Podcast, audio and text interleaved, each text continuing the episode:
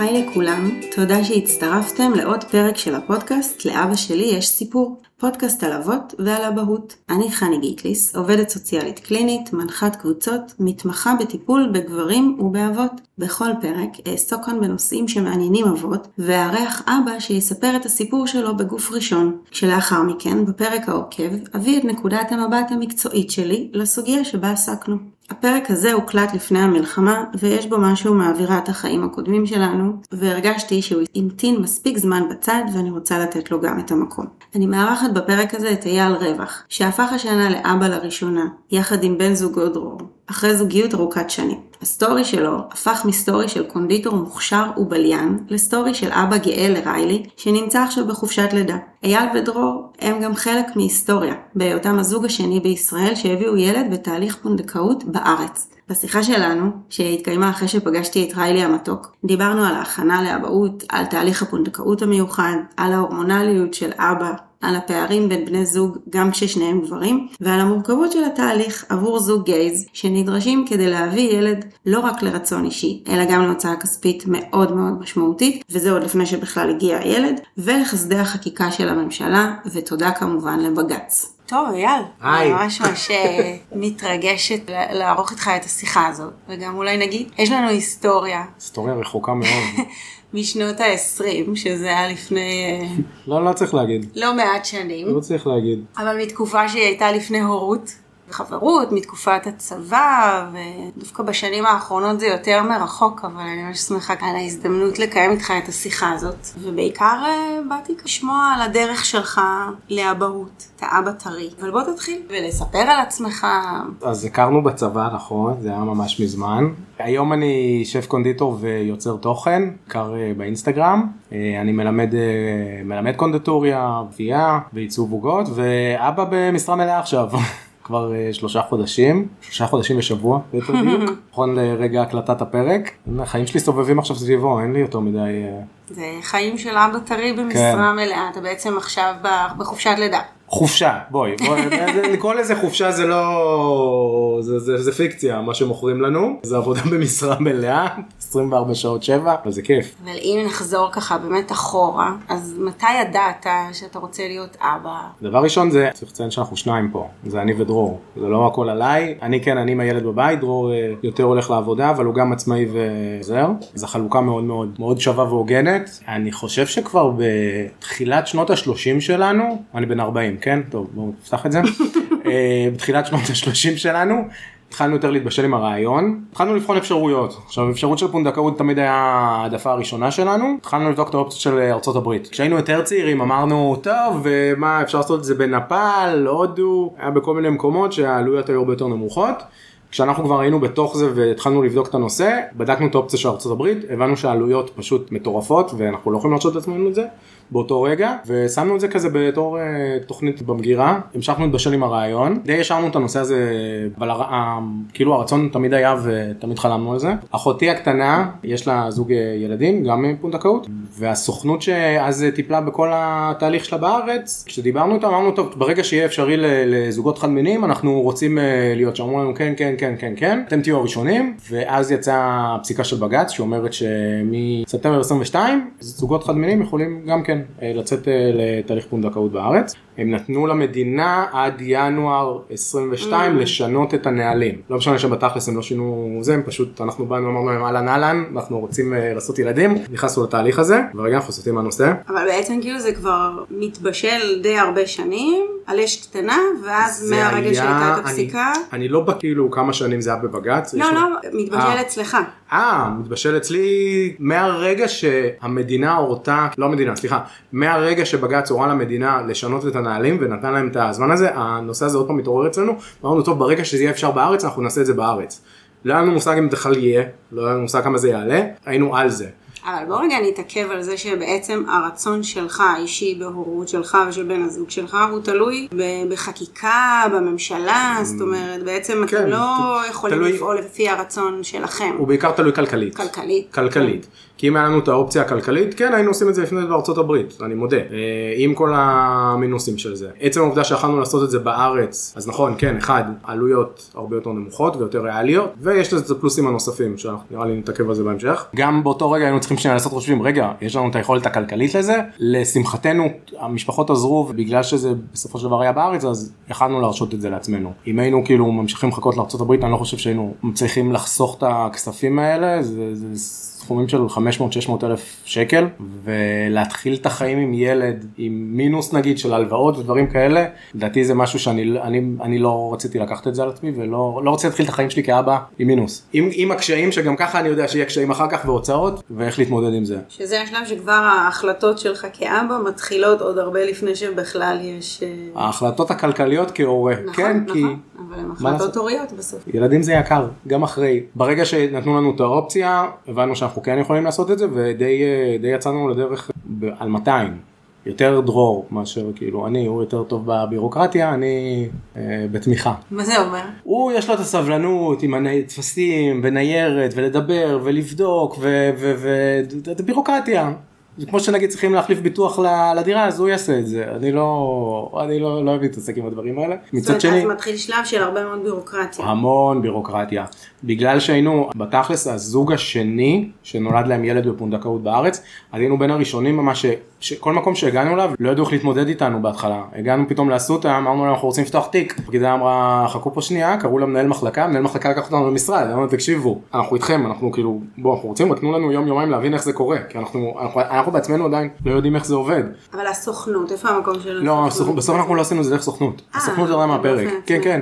בסופו של דבר הכל היה עצמאי. את הפונדקאית שלנו מצאנו דרך אה, קבוצה בפייסבוק, נפגשנו איתה ויצאנו מה לדרך. פרסמתם? כאילו, מה ביקשתם? לא, לא פרסמנו. יש כל מיני פורומים של פונדקאות בפייסבוק, ודרור אה, ראה איזה פוסט שהגיבה אליו והסיק את המסקנות, פנה אליה פשוט ישירות. שבוע אחרי זה נפגשנו לקפה, כמו דייט כזה. מהמם. דייט שלקח איזה שלוש ומשהו שעות, שבסוף הדייט היא אמרה, תקשיבו, אני כאילו נפגשתי עם עוד זוגות, אבל אני רוצה, אני רוצה לעשות את זה איתכם. אני לא זוכר את התאריך של זה, אני חושב ששנה וחצי בדיוק אחרי, היינו כאילו עם תינוק כבר.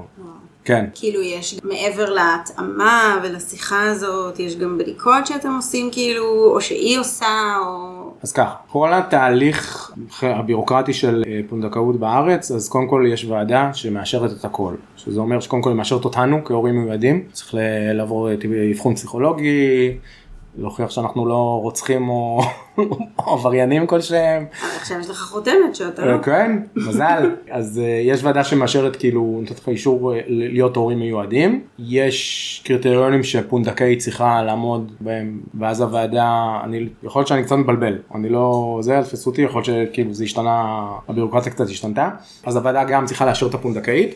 בסופו של דבר אנחנו מגיעים לוועדה עם חוזה משותף, גם היא עברה עליו, גם אנחנו עברנו עליו, עם כל הקריטריונים על ירידה בפרטים הכי נוראים של יש, כמו מה שדיברנו מקודם על לידה שקטה, או מה קורה עם אה, הפלה בחודש ראשון, שני, שלישי, רביעי, חמישי. כי באמת אתם ככה, אלה דברים שאתם נכנסים לאיזשהו מהלך משותף ביחד, וצריכות להיות הסכמות מראש, כי אתם לא, אתם לא יחידה זוגית. אנחנו לא יחידה זוגית, מצד שני אנחנו גם לא, זה לא יחסי אה, עובד מעביד, כאילו היא לא עובדת אצלנו, זה, זה תהליך שהוא משותף לשני הצדדים, נכון מעורב פה כסף, אבל זה לא, לא, אני לא חושבת שזה כמו עובד מעביד, אבל יש פה איזושהי שותפות שאתם יוצאים, בדיוק, ואחר זה, כך זה, זה החלטות, שותפות, זה, אה, זה לגמרי שותפות. כל הנושא של הפלות והפסקת הריון וזה, זה בעצם משהו שאתם אמורים להחליט, אבל מתרחש בגוף שלה, ואז היא צריכה להיות אה. שותפה שמסכימה למהלכים האלה. אני לא זוכר כבר איך זה בדיוק מנוסח בחוזה, אבל כל ההחלטות, גם אם אנחנו לא מגיעים להסכמה, אז, אז רופא צריך לקבל את ההסכמה. את ההחלטה את בסופו של ההחלטה, דבר. כן. טפו טפו טפו, למזלנו, לא, זה לא, לא הגענו לשום דבר שהוא היה בעייתי. גם הייתה לנו תקשורת כזאת מדהימה בכל התהליך, שלא היה לנו בעיות כאלה. אבל כן יש משהו בחוזה הזה שגורם לך בכלל לחשוב על כל האפשרויות האלה שיכולות להשתבש. אני לא אגדיר את זה, אני לא ומה אגדיר את זה חוזה. אני אגדיר את זה הסכם. אוקיי. עדיין בהסכם יש כאילו הרבה מאוד תרחישים, אני חושבת עליך כל כעל תרחיש- אבא בדרך, זה לא מסוג הדברים שרוצים לחשוב עליהם. לא, לא. זה היה גם, אה, אני חושב שכשעברנו על זה, דרור היה עם דמעות, כאילו, כשעברנו ממש על הסעיפים האלה. הביאו כאילו, לכם את ההסכם? לא, יש הסכם, מי ניסח אותו? יש, היה לנו עורך דין ולה עורך דין, אוקיי? העורך דין שלנו מנסח את ההסכם, זה הסכם שהוא די קבוע וחוזר על עצמו עם אה, פונדקאיות, עוברים על כל הסעיפים, יש דברים שאפשר קצת אה, לשנות, לשחק בהם או להכניס, עוברים על החוזה הזה, העורך דין שלנו מעביר את זה לעורך דין שלה, הם עוברים על זה ביחד, היא אומרת שזה סבבה, וחותמים על זה במעמד הוועדה, כאילו מול, מול הוועדה של משרד הבריאות. מולם כאילו חותמים על הכל. ובחוזה הזה יש כל תרחיש אפשרי על האיסטר, אבל זה חייב להיות שם, עם כל החששות. ואיפה אתה כאילו מבחינה רגשית בשלב הזה של התהליך? שנפגשתם, מצאתם פונדקאית, עכשיו מנסחים הסכם, עכשיו עוברים אבחונים. זה מצחיק שמהרגע שהוא נולד אני כאילו הורמונלי ברמות אני לא מפסיק לבכות מכל דבר אבל עד ה... אני לא אני חושב שעד הסקירה השנייה אני הייתי כאילו לגמרי לא מתכחש למציאות אבל כאילו עוד לא מקבל את זה. אני חושב שמהחשש שאם משהו ישתבש שאני לא כאילו ייפגע מזה. כל שלב כזה טוב יש הריון אמרתי בסדר זה לא שיש הריון אבל זה לא אומר שכל הריון מחזיק.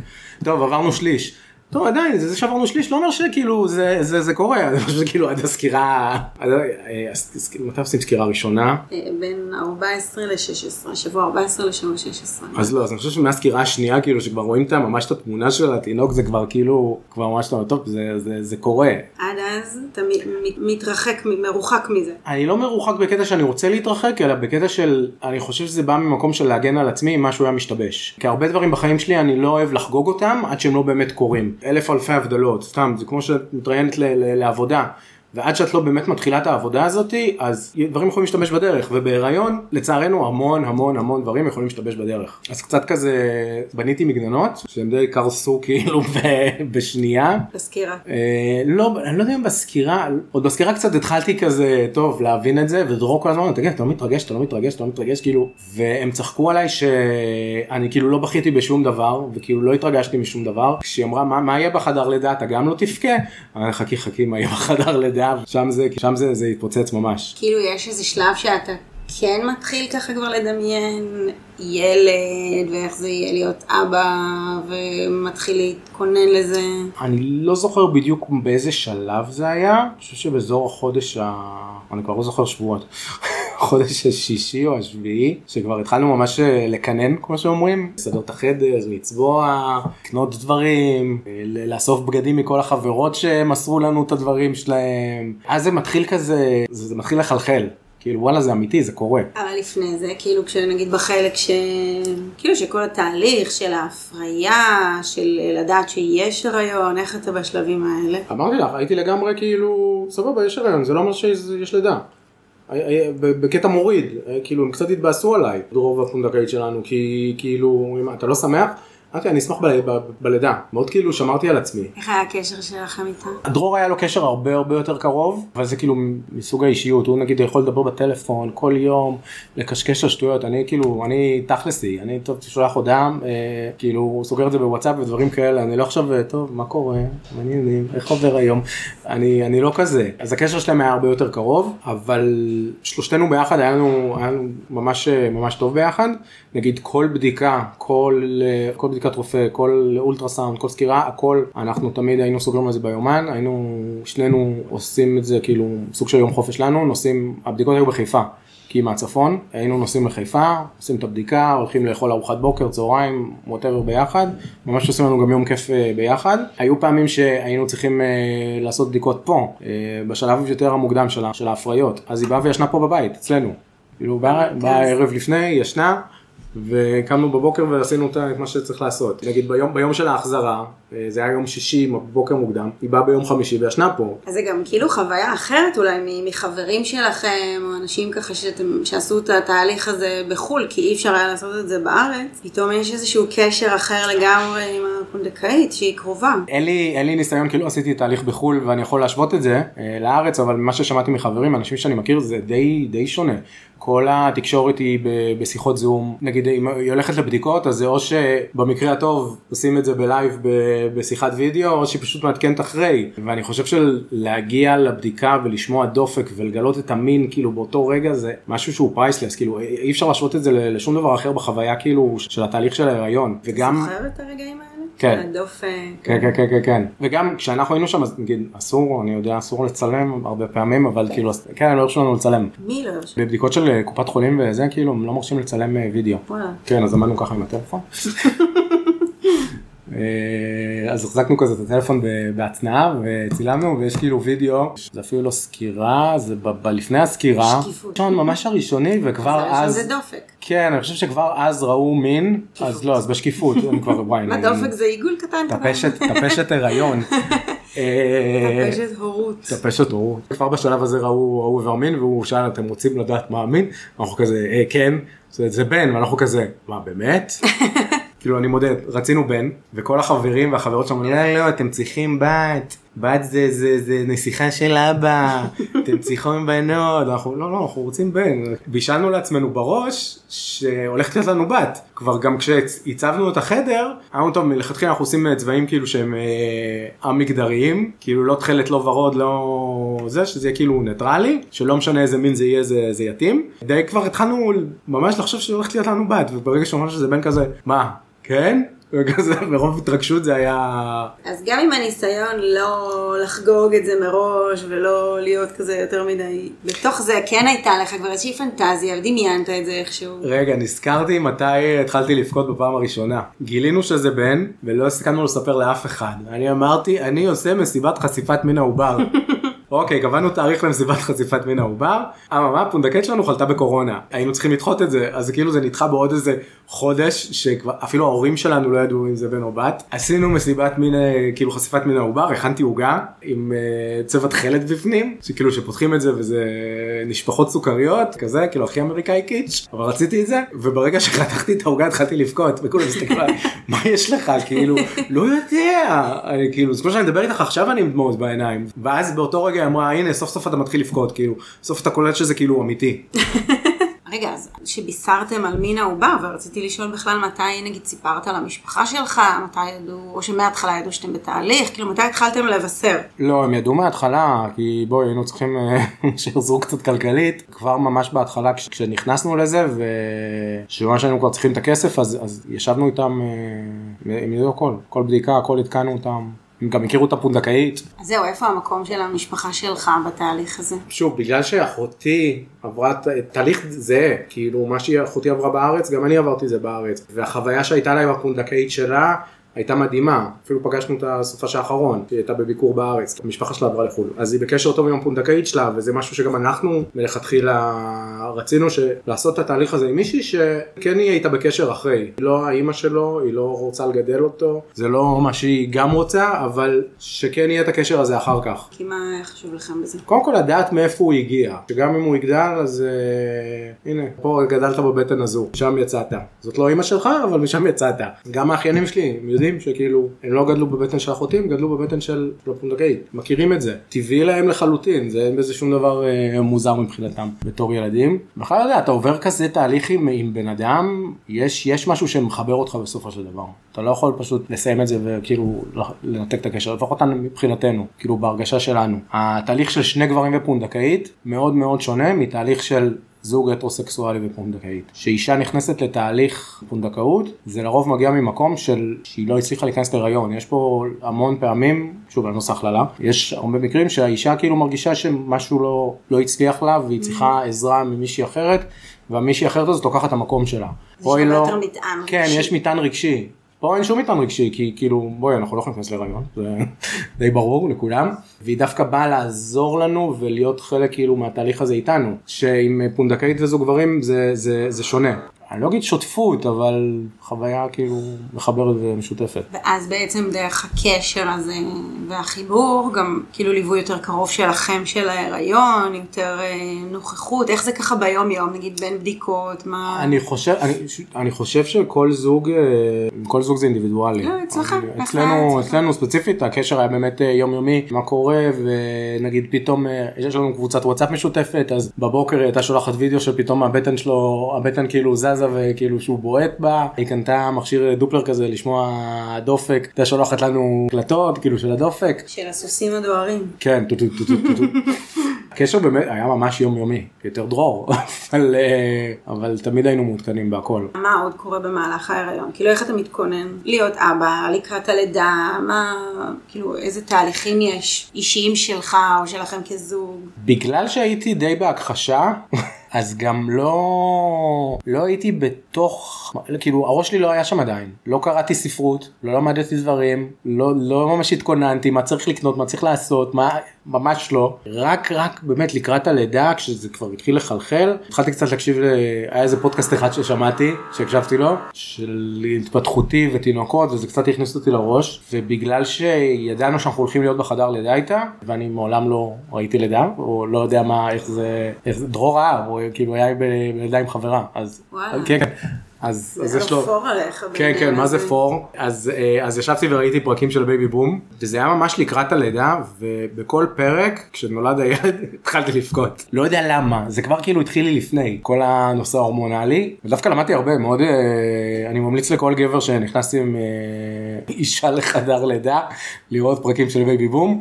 כי זה נותן הרבה, הרבה אינפורמציה ומידע על כל מיני מונחים וכל מיני תקריות וכל מיני דברים והייתה לנו לידה ארוכה אז, אז טוב שבאתי מוכן. ובאמת נותן לך מושג מה, מה זה הדבר הזה חדר לידה, לקראת מה אתה הולך. באנו, עשינו סיור חדר לידה, באנו שני גברים סיור. רק שניכם? לא, היא הצטרפה אלינו, אבל כמובן היא איחרה, אז אנחנו נכנסים שני גברים וכולם מסתכלים עלינו ולא מבינים למה יש פה שני גברים. אחות שם אה, כאילו קוראת שמות, ואמרנו כן כן אנחנו מחכים לפונדקאית שלנו. כאילו היא הגיעה באיחור ואז כמובן שמסכנו תשומת לב. כי זה בעצם שלב שאין עדיין לידות של פונדקאיות לא. בארץ, כי אתם לא, הייתם הזוג השני. אני, חושב שהיינו הזוג הראשון שהגיע לסיור חדר לידה. זה לא קרה בשום בית חולים אחר. ייאמר לזכותם שהם היו סופר סופר מתחשבים, סופר סובלניים, וגם גם להם כל התהליך הזה היה ראשוני עם הרישום של התינוק, ובאמת הכל היה... ואתם כאילו דיברתם איתה על הלידה, היא בעצם פונדקאית, היא באה לתהליך אחרי שהיא עברה לידות. כן, כל, כל פונדקאית חייבת לעבור לפחות לידה אחת, יש לה שני ילדים, היא אחות בטיפת חלב ומלוות הריון, אז היא כבר באה מוכנה עם הכל, ומראש היא אמרה, אתם איתי בחדר לידה. אמרתי לה, תקשיבי, אני לא רוצה לראות את זה, היא עושה לי, מה פתאום, אתה לא עומד לי מקדימה ומסתכל כאילו איך זה יוצא, אבל אתה, אתם איתי בחדר לידה. אני פחדתי מזה, אני ממש פחדתי מזה, אני חושב, כאילו, כולם בתחום שאני הולך להתעלף. ממה ו- פחדת? לא יודע, זה, כל, ה, כל הסיטואציה הזאת, קודם כל זה מגעיל, בואו, זה, זה, זה, זה, זה יוצא משם וזה זה מלוכלך והכל, אבל ברגע שזה שלך אתה כאילו מתעלם מזה. כאילו באותה סיטואציה שזה היה, זה, זה לגמרי ההפך ממה שחשבתי שזה יהיה. לגמרי ההפך, ולא הייתה לידה קלה. לא היה, לא היה סיבוכים, אבל לא הייתה לידה קלה. הייתה, היינו 26 שעות בחדר לידה. זה היה, זה, בסוף האפידורל כבר לא עבד, שמח, וברגע שזה יצא, זה כאילו, זה נשלף החוצה. זה יצא. זה, באותו שלב הוא היה זה, עוד לא, אה, ברגע שהוא יצא החוצה, הניחו אותו עליה, דבר ראשון, כל, ה, כל התהליך לידה, אנחנו מדברים כאילו, הייתה תוכנית מראש. כי- שדיברתם עליה שלושתכם ביחד? שלושתנו, כן, כי בדרך כלל לא נותנים לפונדקאיות בכלל לראות את התינוק, כאילו שלא תיקשר אליו. אנחנו באנו באמת בראש פתוח, גם בגלל התהליך שכאילו היה כל כך מוצלח עד אותו, עד אותו שלב. כן קיבלנו החלטה של כן, שהתינוק יוצא, הוא מונח עליה, עליה, נותנים לחבל הטבור אה, לסיים את העבודה שלו, והיא מעבירה אותו, כביכול מעבירה אותו אלינו, כאילו זה גם יש בזה משהו סימבולי. אז הוא היה עליה, דרור חתך את חבל הטבור, ניקו אותו קצת, ואני לקחתי אותו עליי עם כל השכלה, הנחתי אותו עליי בלי חולצה, וזה היה כאילו קטע כאילו סוריאליסטי ב- ברמות. של הרגע הראשון. כן, הרגע הראשון שאת כאילו פתאום כאילו אני קולט כזה אני אבא, מה זה? זה היה הרגע שקלטת שאתה אבא. כן. זה זה היה הרגע. זה התחיל כאילו כבר בחדר לידה נכנסתי פתאום כאילו קצת לסטרס כאילו מה מה זה זה כאילו זה קורה זה אמיתי זה זה זה קורה עכשיו ובגלל שהלידה הייתה כל כך ארוכה אני כאילו רף ההתלהבות ירד ובשנייה שזה קרה זה חזר. כאילו 26 שעות אתם כזה... אנחנו בשעה חמש וחצי לפנות בוקר ביום חמישי מקבלים טלפון אני עם צירים אני נוסעת לבית חולים תקחו את התיק ותבואו. כבר מראש כבר? היה תיק מוכן היה זה היה ביום העצמאות אחרי יום העצמאות כבר בערב יום העצמאות היא כאילו הייתה כבר עם צירים היא חשבה שזה הולך לקרות זה לא קרה אמרה אני אנוח קצת חמש וחצי לפנות בוקר מקבלים טלפון. תעלו על האוטו בואו סעו עכשיו זה נמצא לחיפה עלינו על האוטו שבע בבוקר כבר היינו בחיפה ואיך אתם בנסיעה הזאת? נסעתי על אוטומט. חכי בואי נדבר אחרי זה על הנסיעה חזור.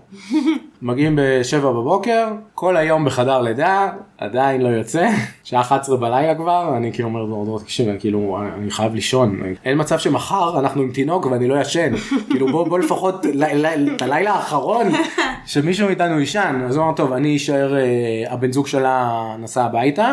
אמרנו, כן, ברגע שזה קורה, אה, נתקשר אליך שתבוא. דרור נשאר איתה בחדר לידה, יש שם כאילו קורסה שאפשר לישון עליה, כאילו רק בן אדם אחד, לא היה שם מקום לשניים. הלכתי לישון במלון ממש במרחק הליכה מהבית חולים, כזה עשר דקות הליכה, הלכתי לישון, אמרתי ברגע שקורה משהו, תתקשר, אני, אני אגיע ישר. 7.25, אני זוכר את השעות בדיוק, 7.25 בבוקר הוא מתקשר אליי, בוא מהר, זה קורה.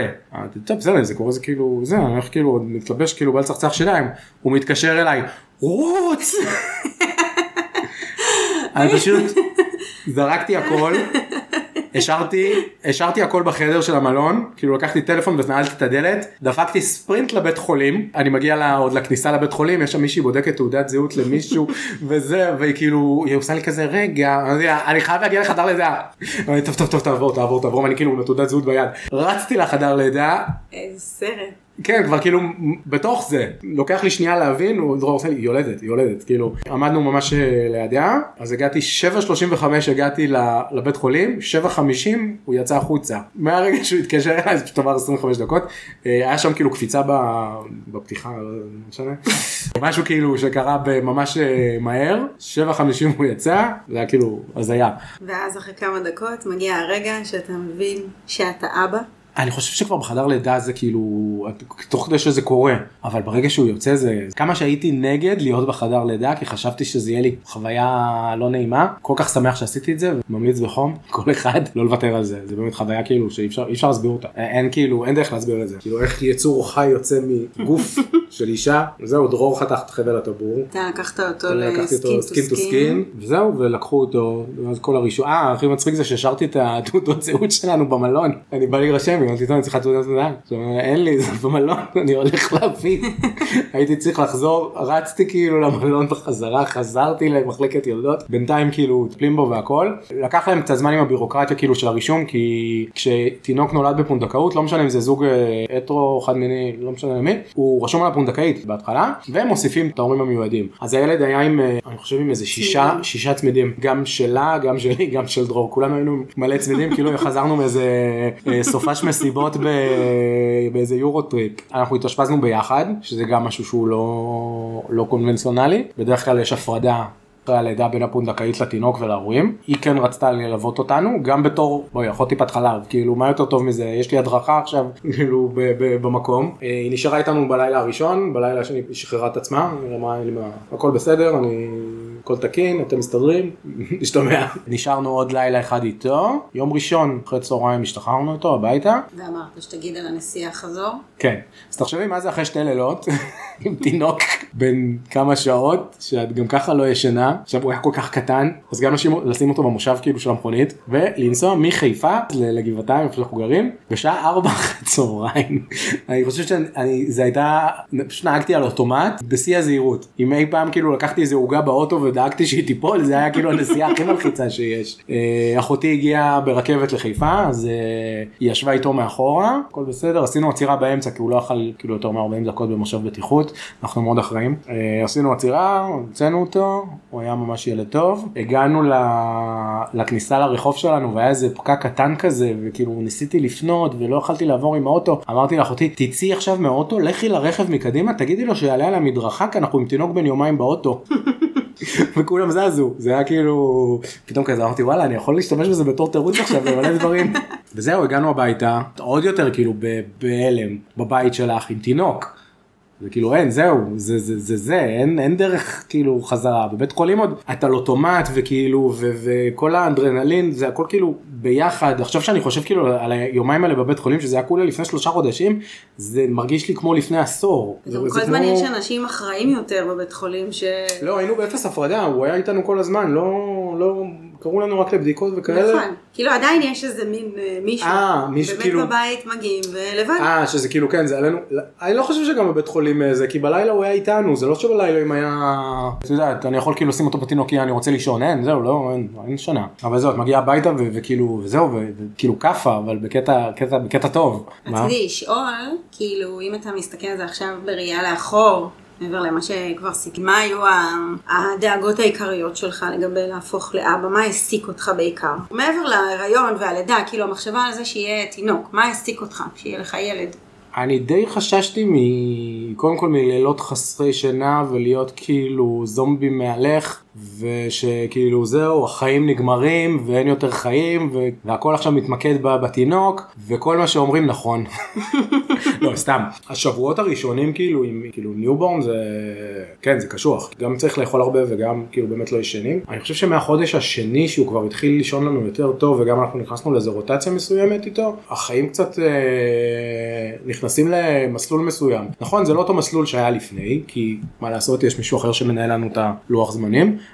אבל כן אפשר לנווט. אם אני רוצה לצאת בערב עם חברים, או ללכת לאיזה השקה, או משהו שהזמינו אותי, אז דרור נשאר איתו. אם אנחנו רוצים לצאת למסעדה, אז אה, אחת האחיות שלנו נשארת איתו. שזה בסדר, אז כאילו צריך גם לשחרר קצת, וזה נותן את האפשרות, לא להגיד להמשיך לחיות, כי כאילו אנחנו חיים, אבל להמשיך כאילו קצת בשגרה של, של הלפני. אבל כן, החיים לא אותו דבר. אי אפשר להשוות את זה לפני. גם מכניס אותך לפרופורציות שונות בחיים, וסדרי העדיפויות שלך משתנים, עם כמה שאני הייתי מרוכז בעצמי, ותמיד שם את עצמי לפני הרבה דברים. אז אין, כאילו פתאום הוא בא לפני הכל. גם אם אני צריך עכשיו בשירותים, אני אתאפק, כי הוא אוכל ואני לא יכול, הוא הידיים שלי. ולמה לא ציפית? כאילו, למה לא ציפית וקרה? אני לא ציפיתי שאני אהיה, עכשיו אני קורא לזה הורמונלי, אני כאילו, אני לא ציפיתי שאני אתחיל לבכות מכל דבר. אני כאילו, חזרנו הביתה, והייתי מאכיל אותו ומתחיל לבכות. ודרור נכנס לחדר ואומר לי מה קרה? אני לא יודע, אני פשוט בוכה. וגם היום כאילו שאני מדבר איתו זה, זה כאילו מאוד אמוציונלי, זה, זה רגשות שאפשר להסביר אותם.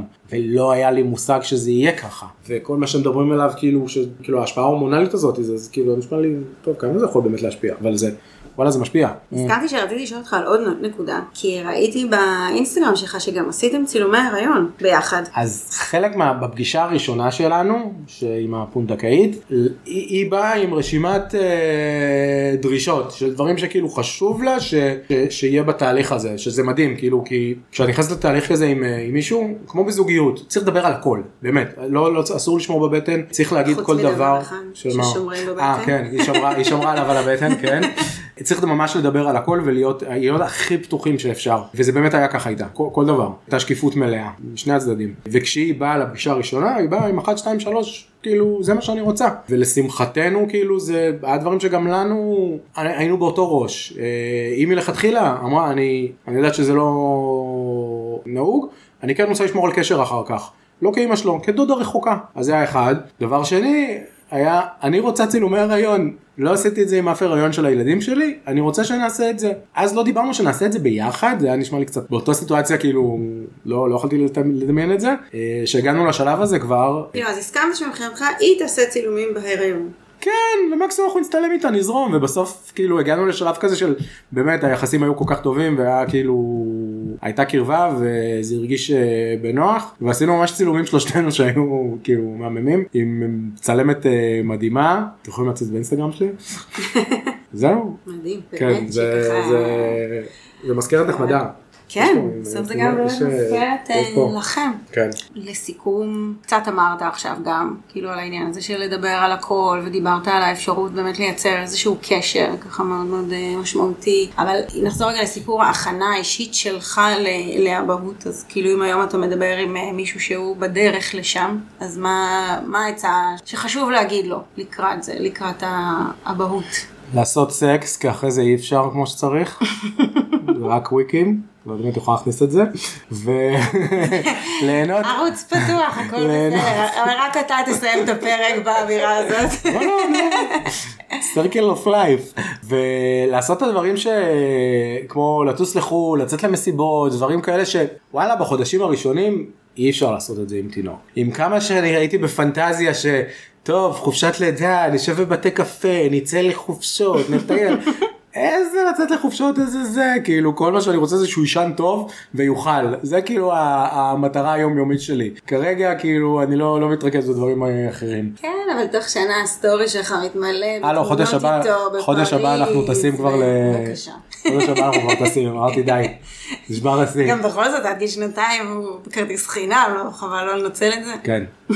לא חינם יש לי סוסי נמל אבל אה, כן סגרנו כבר חופשה לחודש הבא טיסה קצרה לקפריסין אבל פריז לא ידידותית לתינוקות זה לא נוח עם עגלה אבל יהיה נגיע לזה גם אז להתארגן על זה כאילו הדברים האלה כאילו הדברים השטחיים זה נשמע. כאילו למצות את החיים למצות את החיים. שישארו לך הזיכרונות והתמונות. כי החיים הולכים אחרים, לא, לא, זה חיים אחרים. ואני חושב שבפן ההכנתי לקחת ולקבל כל מה שנותנים לכם מבחינת כאילו ציוד, בגדים, פשוט תיקחו, אל תקנו סתם, גם עדיף לקנות אחרי, חבל על הכסף, ולקנות אונליין ובחול. כי בארץ הרבה הכל, יותר ידידותי לסביבה. בארץ. הכל יקר, כן כמעט רוב הדברים שלו כאילו משומשים, גם בגדים של תינוקות, את יודעת, מלבישה אותם, הוא, היה לו כמויות של בגדים שלא הספקנו אפילו להלביש לו, כי ביום אחד הוא ויסת החום גוף שלו ופתאום הוא לא צריך בגדים ארוכים, הוא לובש קצר, אז היינו צריכים להחליף לו מלתחה, וזהו, אבל בעיקר למצות את החיים לפני.